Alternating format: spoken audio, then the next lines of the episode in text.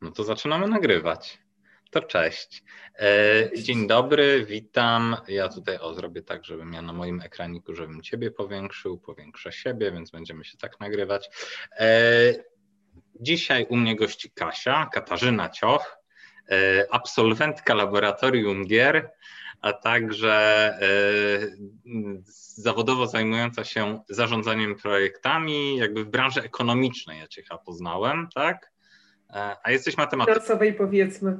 Tak. No i a matematyczka z wykształcenia. Co, co jakby, co nam powiesz o sobie jako projektantce i o twojej pracy zawodowej?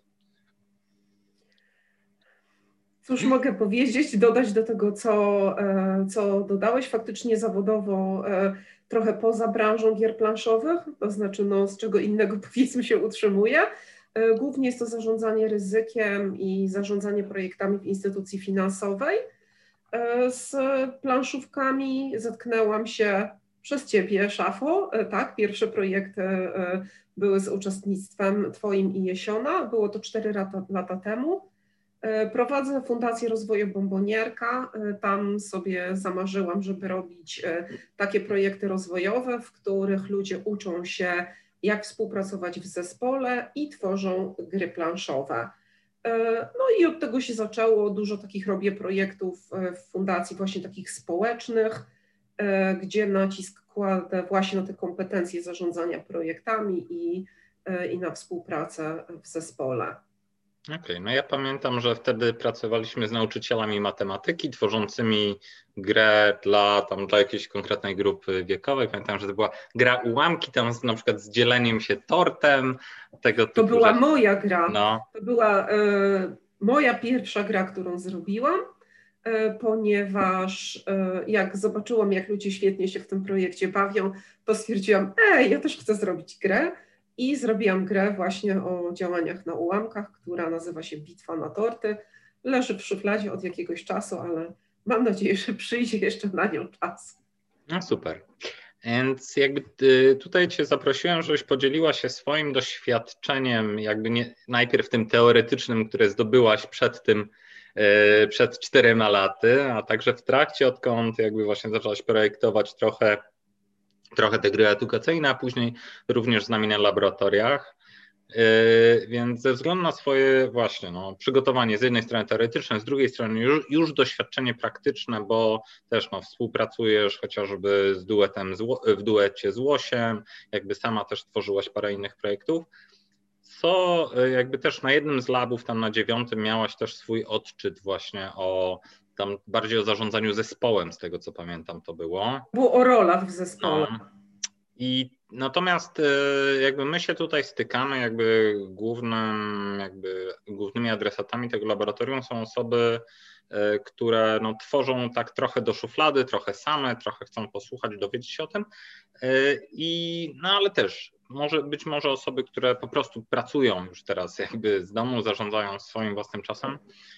Co Y, co ty byś przekazała jako swoją metodę właśnie, czy co, jakie takie pierwsze wytyczne, pierwsze, pierwsze najważniejsze przykazania, jak, jak się ogarnąć, nie? Ja jestem człowiekiem na przykład wysoce chaotycznym, nie? Jakby dla mnie improwizacja jest nade wszystko, ale no są metody, które które, e, które na pewno temu pomagają. Nie chodzi mi o jakiś taki, wiesz, life coaching, że ta metoda zmieni twoje życie, kliknij tutaj, tylko nie wiem, jak się, jak się za to zabrać. Nie? Przypuśćmy, właśnie sam, mam pomysł na grę, co dalej? Nie?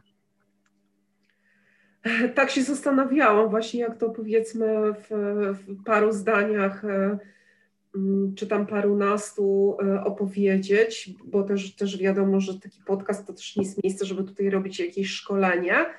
E, obserwując może i skupiając się tutaj właśnie e, na tych moich projektach, które realizowałam sama, e, a je, też jako po prostu, że robiłam gry, ale też które organizowałam i obserwowałam też dużo, jak ludzie pracują, jak zespoły pracują, to, to, to kilka takich uwag może miałabym do przekazania. Pierwsza, najważniejsza to jest jednak więcej kończyć, a mniej zaczynać czyli e, żeby no, starać się doprowadzać rzeczy do końca, a z tego wynika taka uwaga, że żeby definiować cel, że jakby a zrobię sobie coś fajnego, albo o mam taki fajny pomysł, to jest jednak zdecydowanie za mało.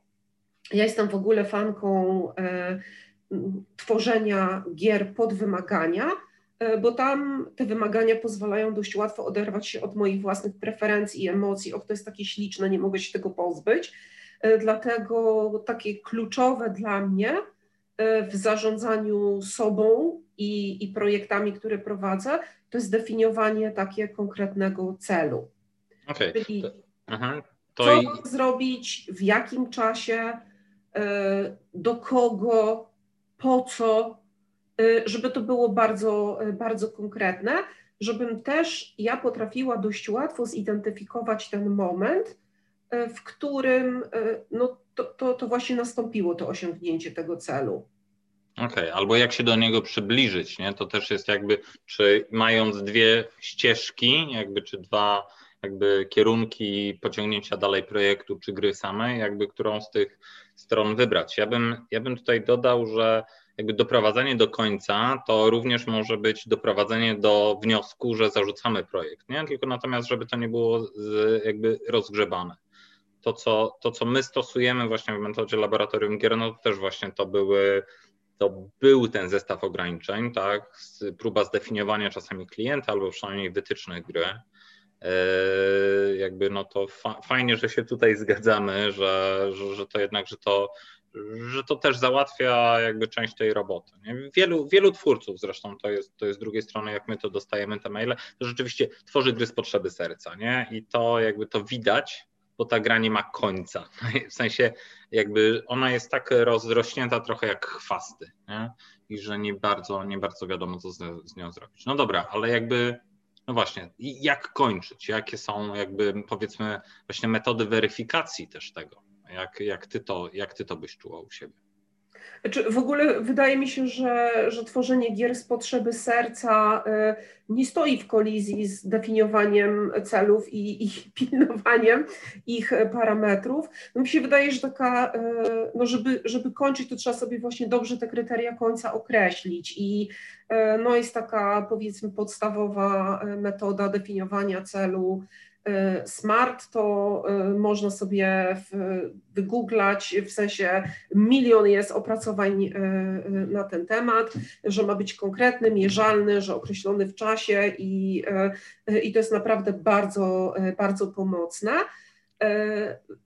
Wydaje mi się, że jakby za tym dalej idzie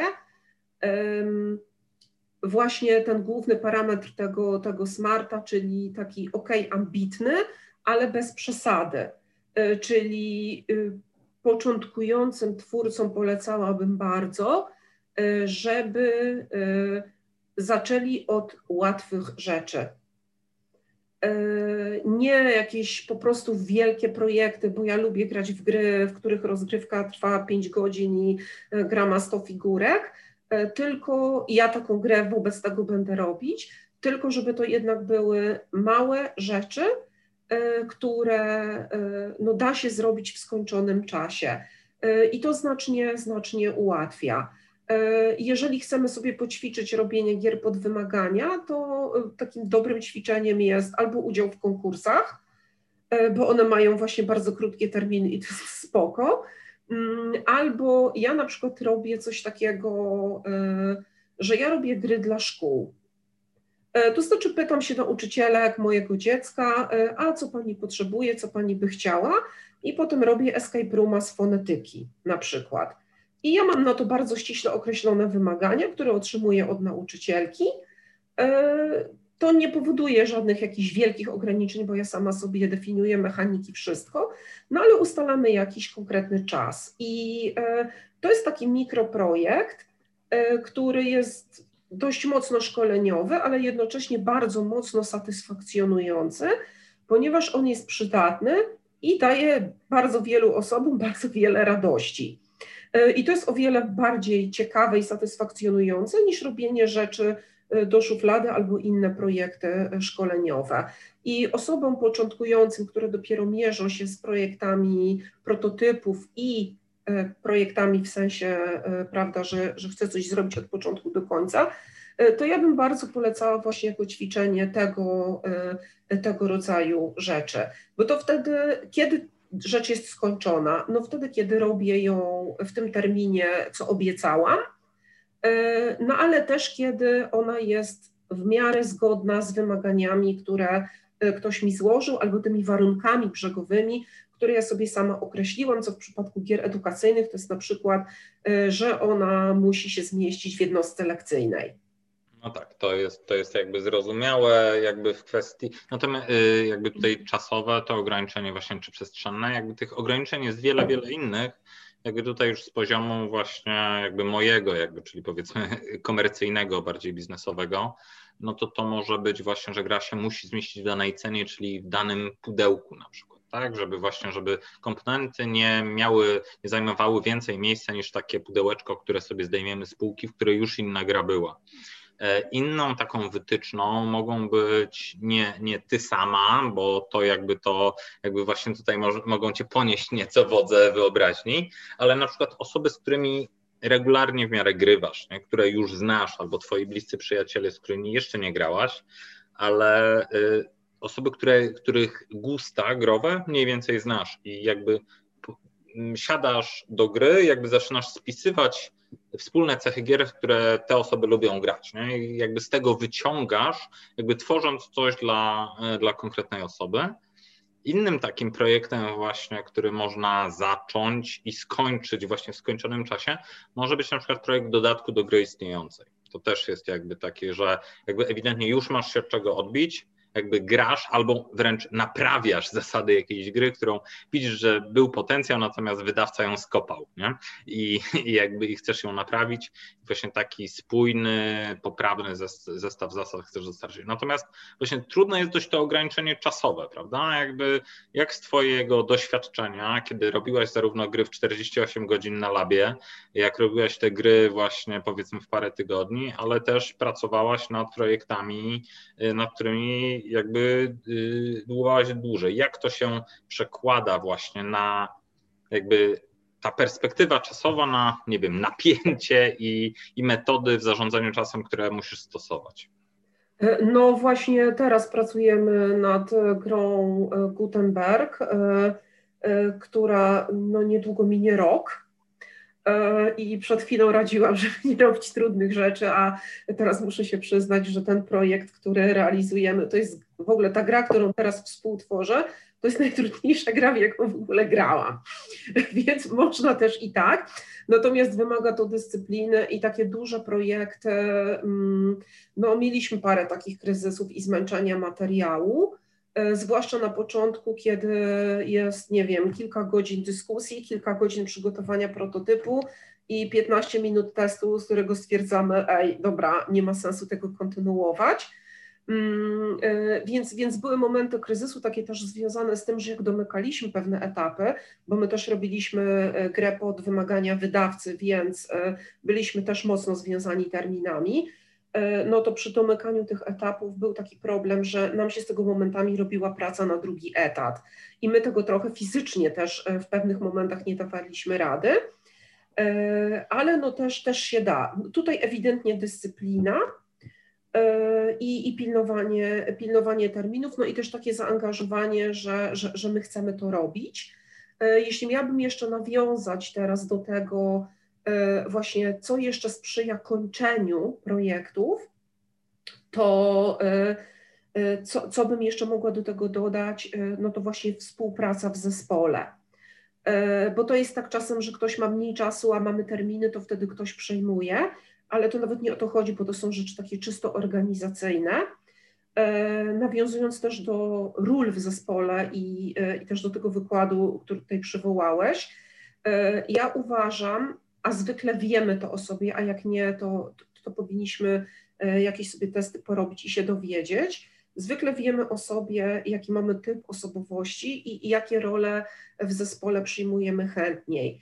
Więc e, z kończeniem szczególnie mają problem osoby takie które są właśnie siewcami, generatorami pomysłów, a może to, a może tamto i one bardzo szybko się nudzą, nudzą wdrażaniem. E, takie osoby, które gdzieś tam są, nie wiem, ludźmi grupy, ludźmi kontaktów, e, wymieniłam właśnie wszystkie Twoje cechy, Szafo, więc... Dlatego nie projektuję. Jakby... No, aczkolwiek takie osoby e, wydaje mi się, że powinny sobie właśnie dobrać tą parę. Tak, tak, tak. To ja, ja, z mojego doświadczenia właśnie no ja, to, ja wpadam w tą grupę, rzucam 8-10 pomysłów, sam sobie zaprzeczam w nich, ale jakby jestem chętny współpracować, tak?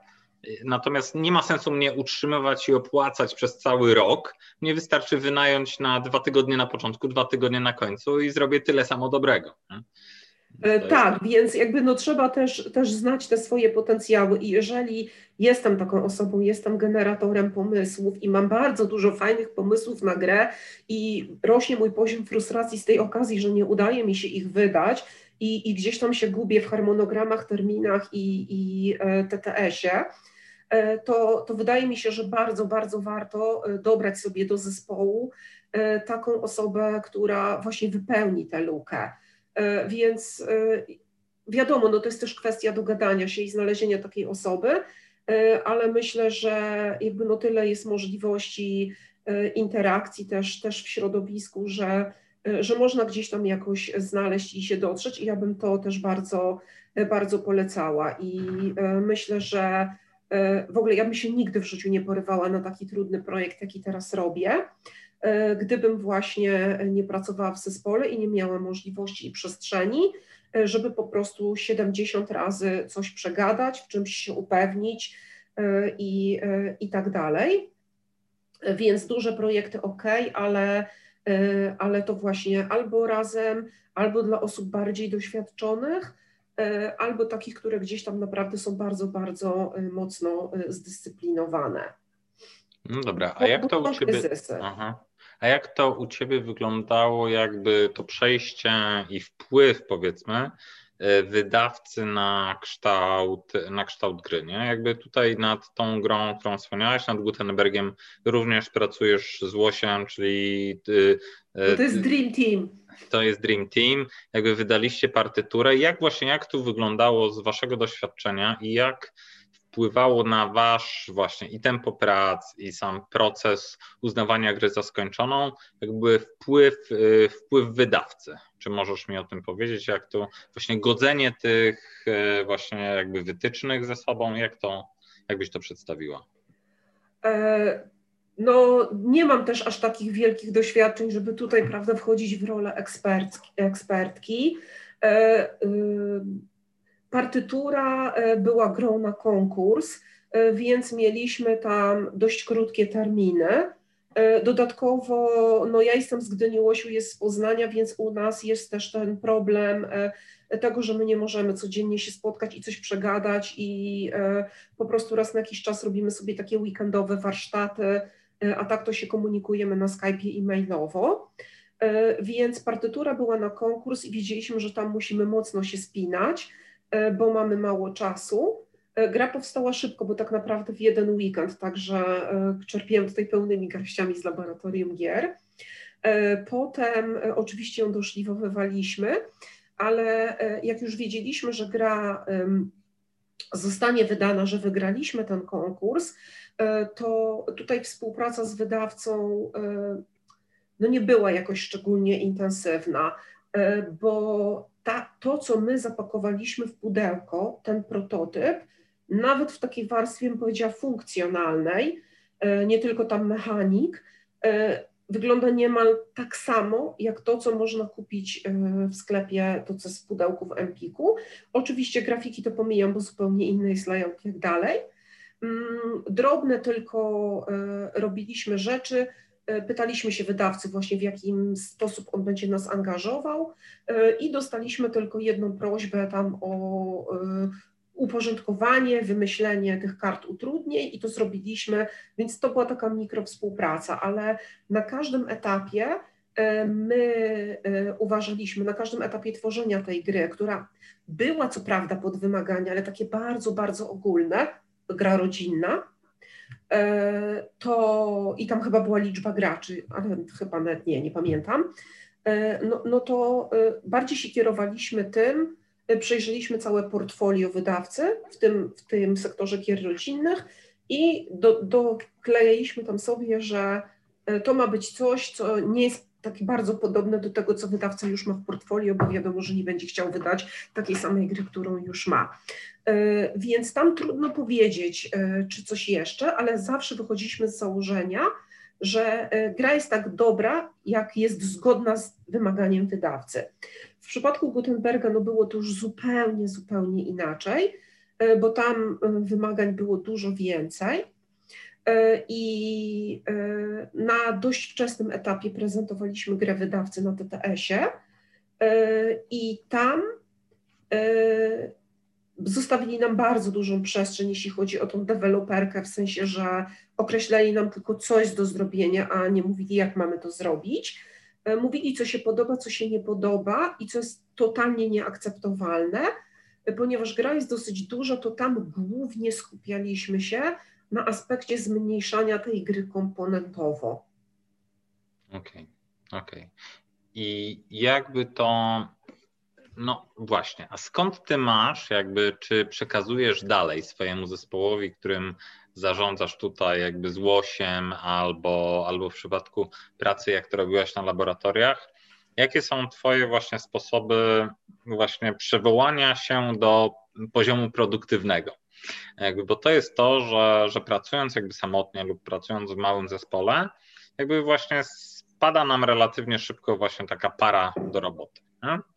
Jakby z jakich jeszcze, nie wiem, tajemnych metod opisanych w jakichś prostych poradnikach, książkach czy coś, kto powinien jakby sięgnąć do jakby powiedzmy, że zidentyfikował swój, y, swoją słabą stronę właśnie, właśnie w, tym, w tej jakby zarządzaniu sobą w procesie trwającym długo. Nie? Co byłoby pierwszą taką deską ratunku dla takiej osoby? Metoda, książka, poradnik, y, y, która, która byłaby to, to taką szansą do odbicia się od tego dna po prostu nieskończonej ilości pomysłów. Y, znaczy poczekaj, bo najpierw mówisz o produktywności, a teraz pytasz y, właściwie, czyli jaki problem mielibyśmy rozwiązywać, że ktoś ma nadmiar pomysłów i nie wie, który wybrać, tak? Na przykład, albo że po prostu, że na, y, jakby narzuca sobie chociażby właśnie nierealne cele, gdzie, gdzie szukać pomocy w ogóle, nie? Jeżeli przypuśćmy mamy albo y, zespół właśnie bez, bez specjalisty, który, który może nas z doświadczeniem właśnie twórczym, co może nas nadzorować, gdzie y, jakby, nie wiem, co zrobić, nie? Od czego zacząć nawet, nie wiem, notowanie tego, nie? Kupić sobie paczkę post-itów, czy lepiej yy, jakby co byłoby pierwszym narzędziem dla Ciebie? E, wiesz co, e, wydaje mi się, że no w naszym środowisku to e, ja bym jednak zarekomendowała, zakładam, że te pomysły są w jakiś sposób wdrożone w życie i mam co pokazać, tak? No, A nie, że tak. to jest, nie jestem na etapie, zrobię sobie grę o kwiatach albo o króliczkach, albo nie wiem i a co teraz? Tylko jesteśmy na jakimś tam trochę większym poziomie zaawansowania, mhm czyli jestem na etapie, jak mam za dużo pomysłów, to e, gra zapewne ma taki syndrom, że jest w niej za dużo wszystkiego, e, więc bo wszystkie mechaniki są super, wszystkie moje pomysły są super. No to wydaje mi się, że najlepszym sposobem jest jak najszybsze pokazywanie tej gry innym. Oczywiście niekoniecznie wydawcom, bo, bo to w ogóle nie jest ten etap i pewnie nawet nie mamy takiej możliwości, E, ale e, pokazywanie jej testerom. I najlepiej, żeby to e, nie była mama, siostra i moja najlepsza przyjaciółka, bo one powiedzą, że wow, jesteś super i wszystko jest w tej grze super i wszystko mi się podoba, tylko właśnie takim osobom, które jednak są spoza. I na ten moment mamy w zasadzie dwa, dwie możliwości takiego testowania ogólnodostępne chyba dla, dla większości osób, które mają dostęp też do informacji o tym wykładzie. I jakoś tam powiedzmy z laboratorium gier są związane, czyli mamy TTS, mhm. I możemy sobie wrzucić grę w narzędzie TTS i jak najszybciej pokazywać ją ludziom. I to jest wszystko do przejścia. Ja nie potrafię w ogóle obsługiwać TTS-a. Jako testerka jeszcze sobie jakoś radzę, żeby zaimplementować tam moją grę, to już absolutnie nie. Więc ja po prostu poprosiłam kogoś, żeby wrzucił moją grę w TTS-a i znalazłam taką osobę, bo y, ludzie proszą mnie o inne rzeczy i ja też je robię, więc tak to działa trochę na zasadzie takiego rozszerzonego barteru, że y, ktoś mi zrobił logo, a ja komuś coś, y, więc, więc ten TTS. A druga rzecz, no to są te grupy testerskie, które gdzieś są już w bardzo wielu miastach. Teraz nie wszystkie się spotykają, Trójmiejska się spotyka, także serdecznie zapraszam. E, I tam są osoby z doświadczeniem, które właśnie być może pomogą z tego nawału pomysłów wybrać coś, albo nawet po reakcjach testerów my sami zauważymy, e, co jest, e, co jest, co się najbardziej podoba, nie? Co, co wywołało ten efekt wow. Myślę, że, że, że to są te dwie takie podstawowe rzeczy. E, bo nawet jeżeli nie ma grupy testerskiej, e, no to gdzieś tam te dwie, trzy osoby być może uda się zebrać i taką grupę stworzyć. Przecież tych naszych, grupy, naszych grup też e, nikt z góry nie zorganizował, tylko ludzie się jakoś oddolnie zorganizowali. Może w dwie, trzy osoby uda się, bo to jest wystarczające, a jak nie, to się pakuje prototyp w pudełko i się wysyła na przykład do nas i my też testujemy albo print and playa e, pobieramy i też drukujemy, testujemy i zdalnie się łączymy, udzielamy informacji. E, także to wszystko jest, jest możliwe, myślę. To, to, to jest chyba kluczowe, pokazywanie innym. I wydaje mi się, że też to są dwie różne rzeczy. To, że ktoś cierpi na nadmiar pomysłów i to, że ktoś nie potrafi zdefiniować sobie celu, bo uważam, że dobrze zdefiniowany cel, gorzej jak ktoś obu tych rzeczy nie potrafi zrobić, bo jeżeli mam w miarę dobrze sformułowany cel, to jest to y, super brzytwa do odcinania nadmiaru pomysłów. No tak, no bo ja każdorazowo też... sobie weryfikuję, jak bardzo to jest zgodne właśnie y, z celem, który ja sobie określiłam, z potrzebami grupy docelowej, y, z doświadczeniem, jakie ja sobie zaplanowałam, żeby dać graczowi. Że Jasne. nawet jak coś jest fajne, ale nie jest spójne z tym celem, nie wspiera jego realizacji, no to w tym konkretnym kontekście po prostu jest do odcięcia.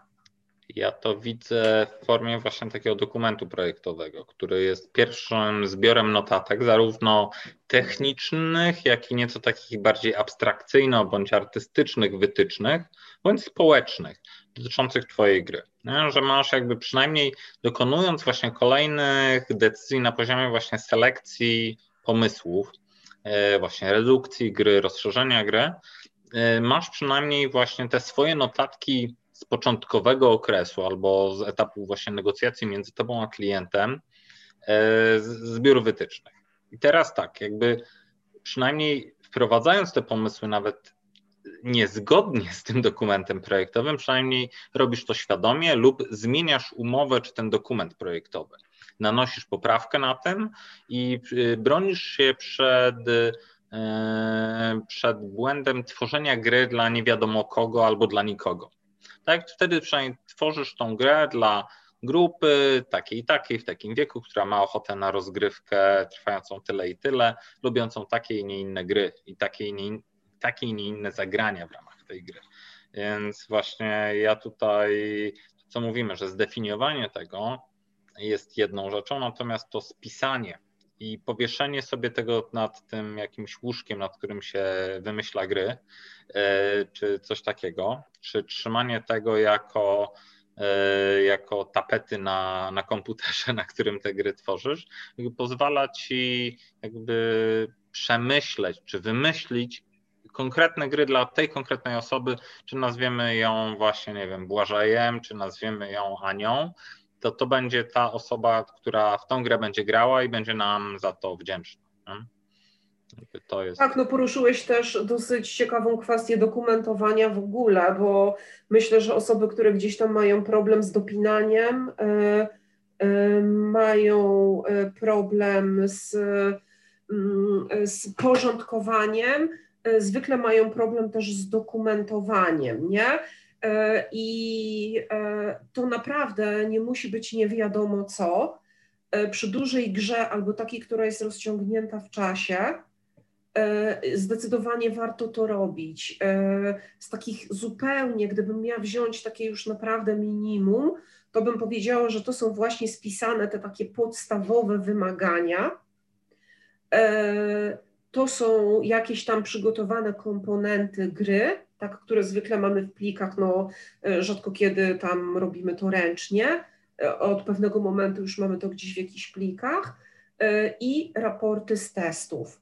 To, to, to, jest moim zdaniem takie minimum i oczywiście wszystkie te pliki poza raportami z testów fajnie jakby były wersjonowane. E, I nie mówię tu o nie wiadomo jakim standardzie ISO zarządzania dokumentacją, e, tylko e, o nadawaniu im na przykład takiego samego tytułu i daty kolejnej, kiedy ja wiem, wtedy, ja wiem, który jest po którym. I no warto do tych wymagań wracać, jak bardzo to, co chciałam zrobić, jest zgodne z tym, w którym jestem teraz miejscu i czy ja wiem, dokąd, dokąd ja, ja podążam. E, tutaj widziałam, że na czacie była, tak, była uwaga, Kasia. że jest dużo. Katia dodała to właśnie o jakby o tworzeniu person, które najpierw się pojawiły w marketingu, w sensie ja o ich zastosowaniu najpierw słyszałem w marketingu, ona tutaj mówi o przeprojektowaniu aplikacji mobilnych, czyli projektowaniu interfejsu i projektowaniu doświadczeń UI, UX i że istnieją takie po prostu generatory czy gotowe zestawy danych do właśnie do person. I teraz tak można sobie, można sobie wyciągnąć te i jakby dostosować je do, je do gier. No my to zastosowaliśmy na laboratorium, bo mieliśmy akurat do tego źródło, ale jakby czasami takie komercyjne jakby są zbyt głębokim zastosowaniem.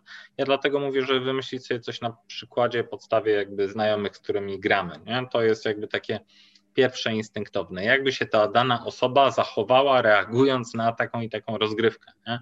To tak samo no, działają aktorzy przy, przy, jakby przygotowując się do roli, jak moja postać zareagowałaby na coś, na coś podobnego. Nie?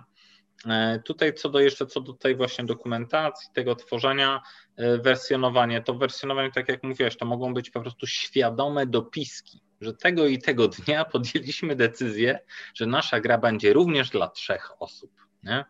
E, I jakby y, to są, to są ważne, ważne informacje. To się też nazywa w marketingu, jeżeli widzicie czasami artykuły, one zawierają, jeżeli dotyczą jakiejś tam, nie wiem, konkretnej linii lotniczej, no to one opisują na końcu artykułu każdego sponsorowanego jest napisane, że ta linia lotnicza powstała w takim takim roku i coś tam takiego takiego robi i ma tyle i tyle samolotów.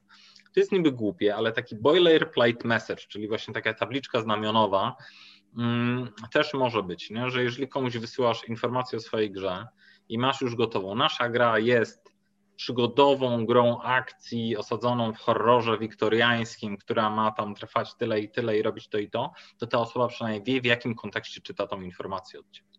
Tak? I to, to pomaga, to pomaga właśnie czytać dalszy, dalszy tekst ze zrozumieniem, tak? albo że czego my w tym momencie szukamy i co tobie oferuje. Hmm?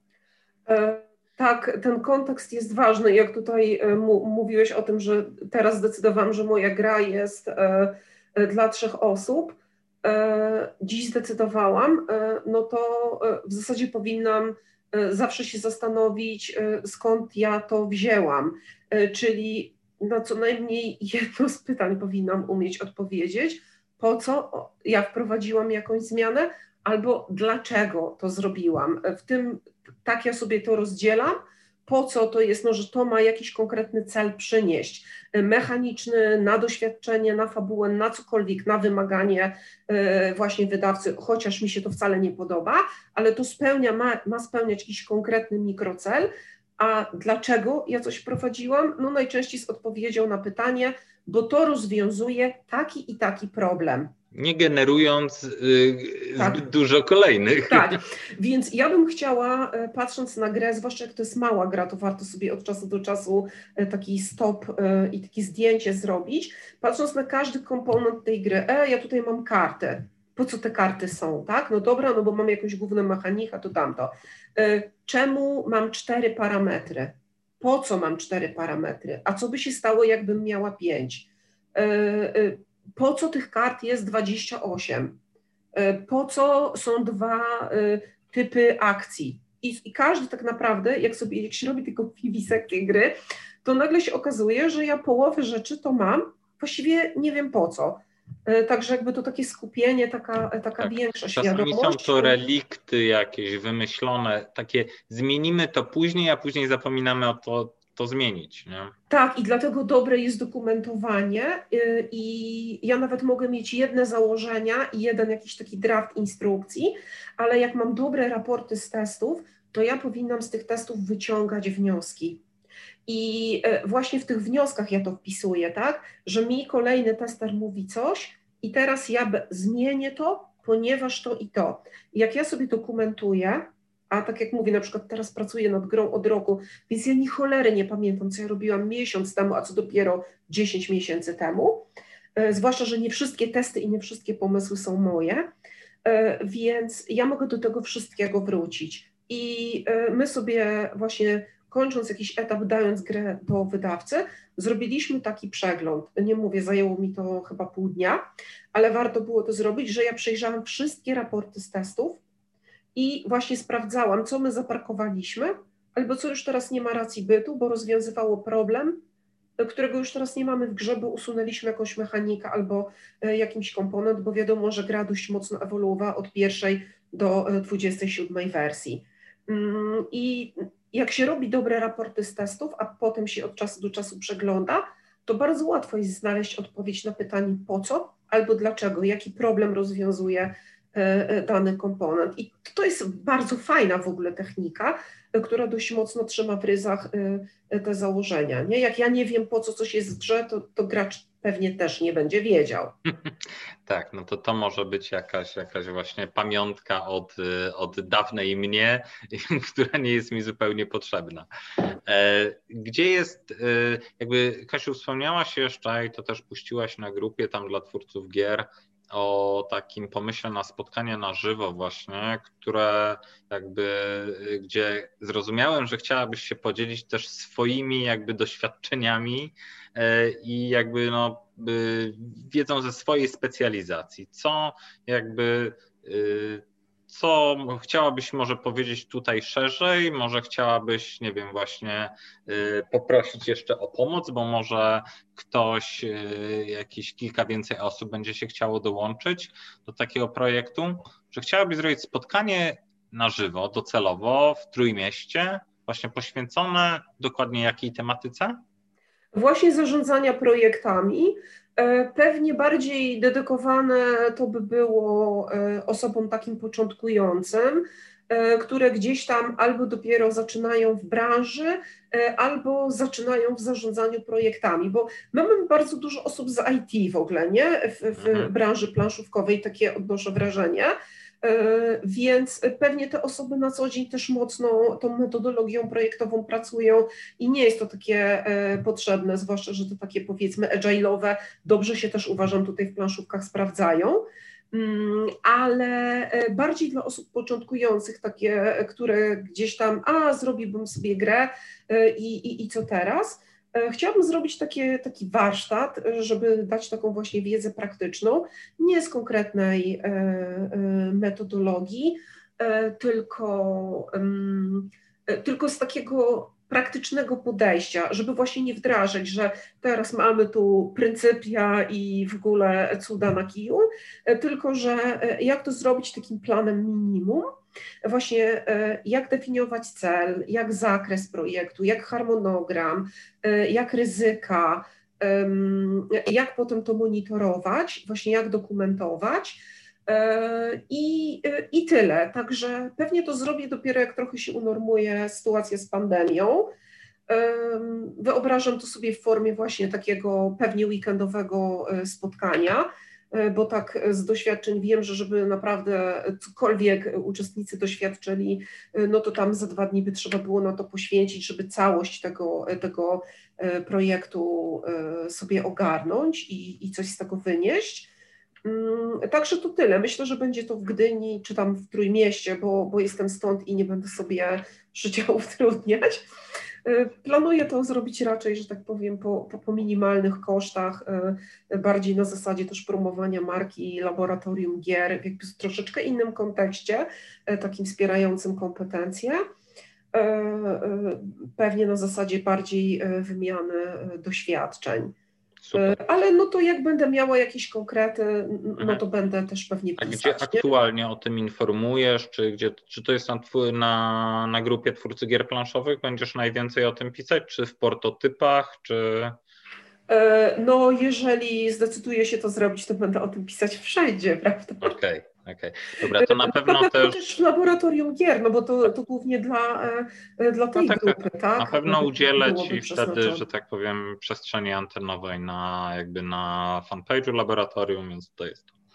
No, więc jeszcze wracając do Międzynarodowego Dnia Kobiet, czyli y, laboratoryjnego miesiąca dziewuch, e, chciałem się na pożegnaniu Ciebie jeszcze zapytać, jakby jak to jest, jak to jest, kiedy, czy chłopaki jacyś, z którymi się bawiłaś w projektowanie gier, próbowali ci udowodnić, że gry się robi siusiakiem, albo że jesteś osobą, która jak ty możesz, jak ty możesz grać w gry, bo jesteś dziewczyną, albo w jakiś inny, nie wiem, e, sposób, e, nie wiem, podtrzymywali przykre stereotypy, bo ja wiem, że takie rzeczy się dzieją.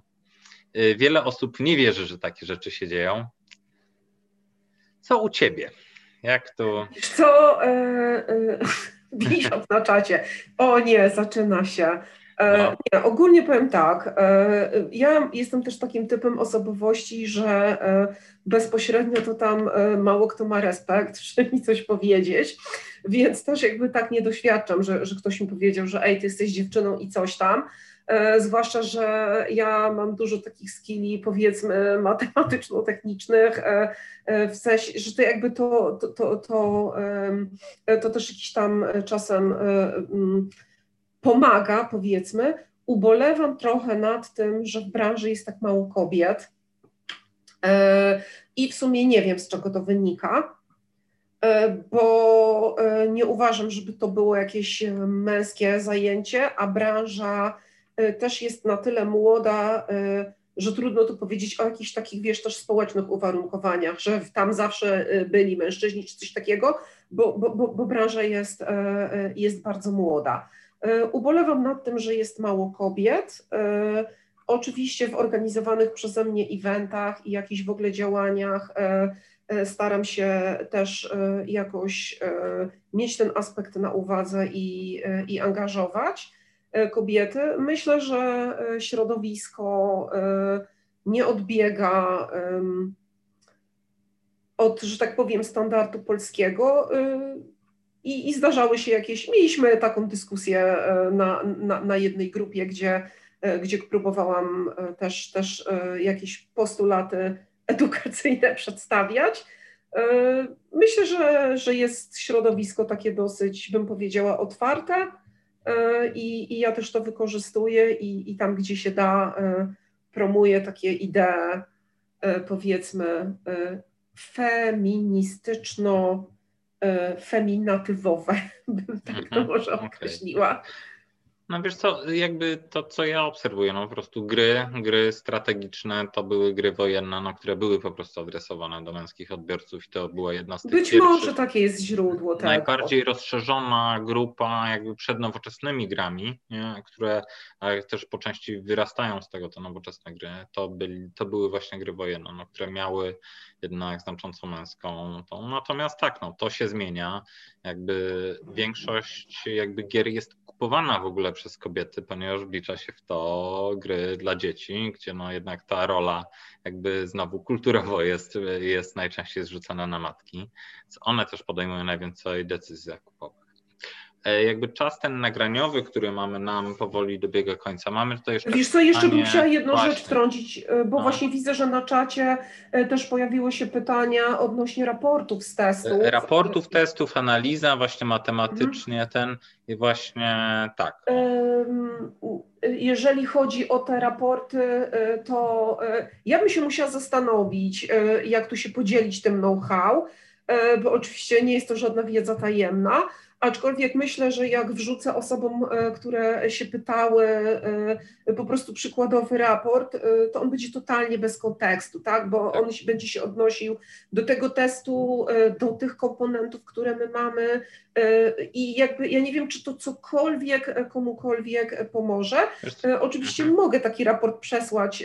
Jak ktoś ma ochotę, to może niech do mnie napisze. Tak chyba będzie najprościej, bo to też nie są takie dokumenty, które gdzieś tam powinny latać po sieci, ale może zastanowię się, jak nie wiem, czy z tego da się jakiś zrobić bardziej wystandaryzowany dokument, co taki test powiedzmy powinien no, zawierać. No właśnie, tak, no bo to jest tak, czy tutaj jest, czy tutaj chodzi o dane czysto liczbowe, czy tu chodzi o właśnie o badanie e, statystyczne jakby w tej ilości testów, czy to chodzi właśnie o badanie jakościowe bardziej w formie wywiadu. To też jest to różne w zależności na etapie projektu, którego jesteśmy, jakby też zakładam. E, no okej, okay, no, to, no, no to mówiąc pokrótce, e, na pewno spisujemy takie rzeczy e, jak cel testu, tak? Uważam, że to jest ważne. Co, co, co jest w ogóle celem testu? No i w kontekście tego, robimy to na jakichś zasadach, zwykle po jakichś zmianach, więc w szczególności testujemy zakres ten zmian. Więc mój raport zawiera datę, godzinę, jak długo trwała rozgrywka, ile osób, kto prowadził, kto uczestniczył. Jeżeli to są nowi testerzy, to też e, mm, jacy oni są, tak? E, jaka to jest grupa, że to były dzieci, albo że osoby grające pierwszy raz, e, albo że informatycy, albo że coś tam, tak? Że to, to jest ważny też ten kontekst, czyli jacy są testerzy.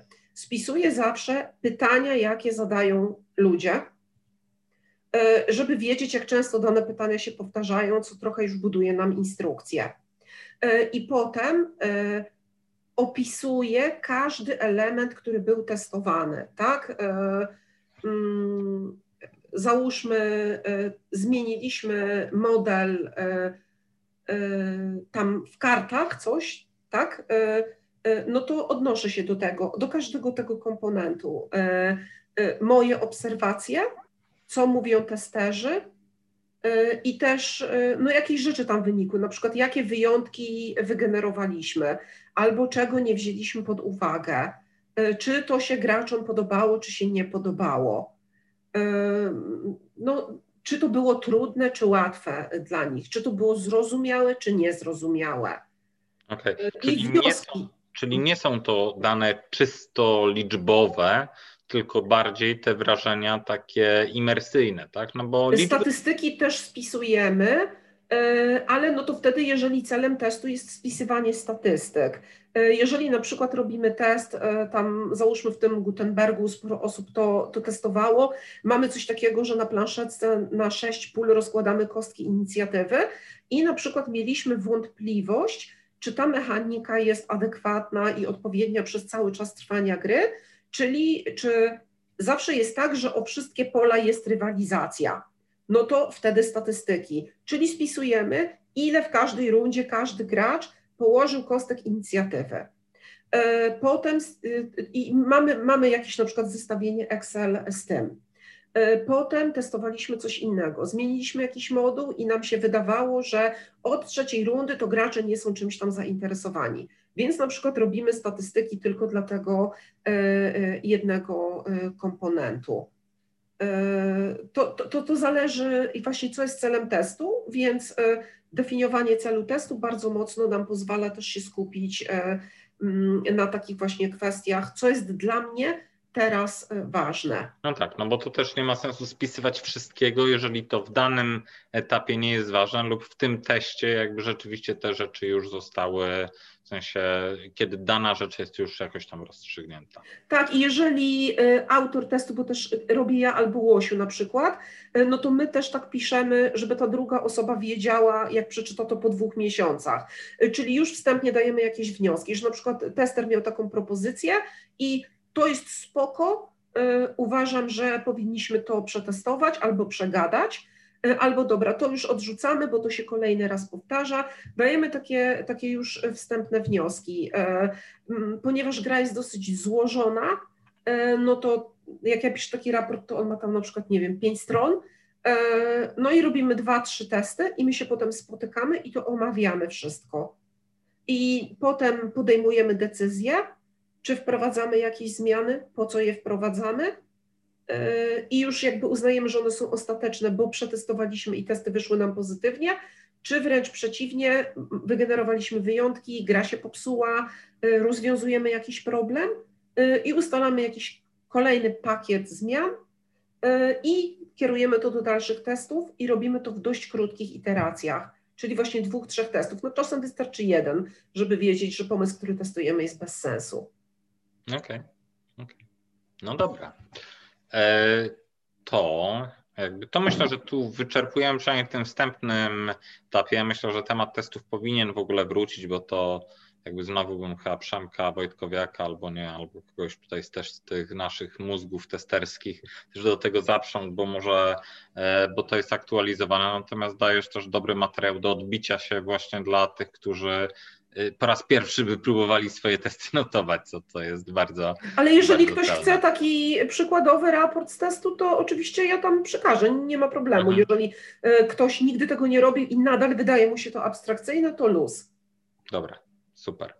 No dobra, to ja. Dziękuję za nagranie. Tutaj jakby za chwilkę kończymy. Zostajemy jeszcze chwilkę później na, na linii do, do pogadania właśnie z osobami bardziej zainteresowanymi tym, tym szczególnym tematem. Dziękuję Ci, Kasiu. Dziękuję bardzo.